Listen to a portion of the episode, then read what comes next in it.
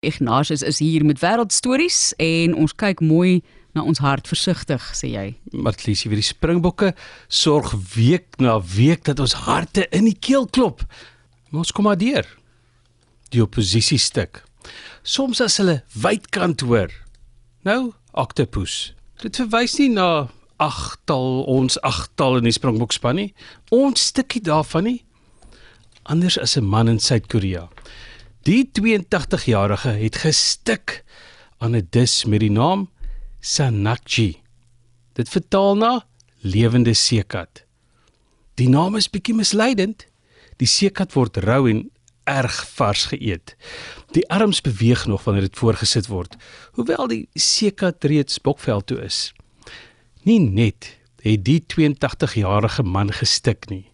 Die seekat met sy drie harte het die man se hart laat staan. KPR moes gedoen word. Daar was egter al verskeie voorvalle waar mense verstik en versmoor het van sanakji eet.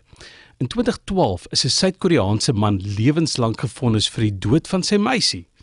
Na bewering was dit moord, maar hy het sanakji gepleit.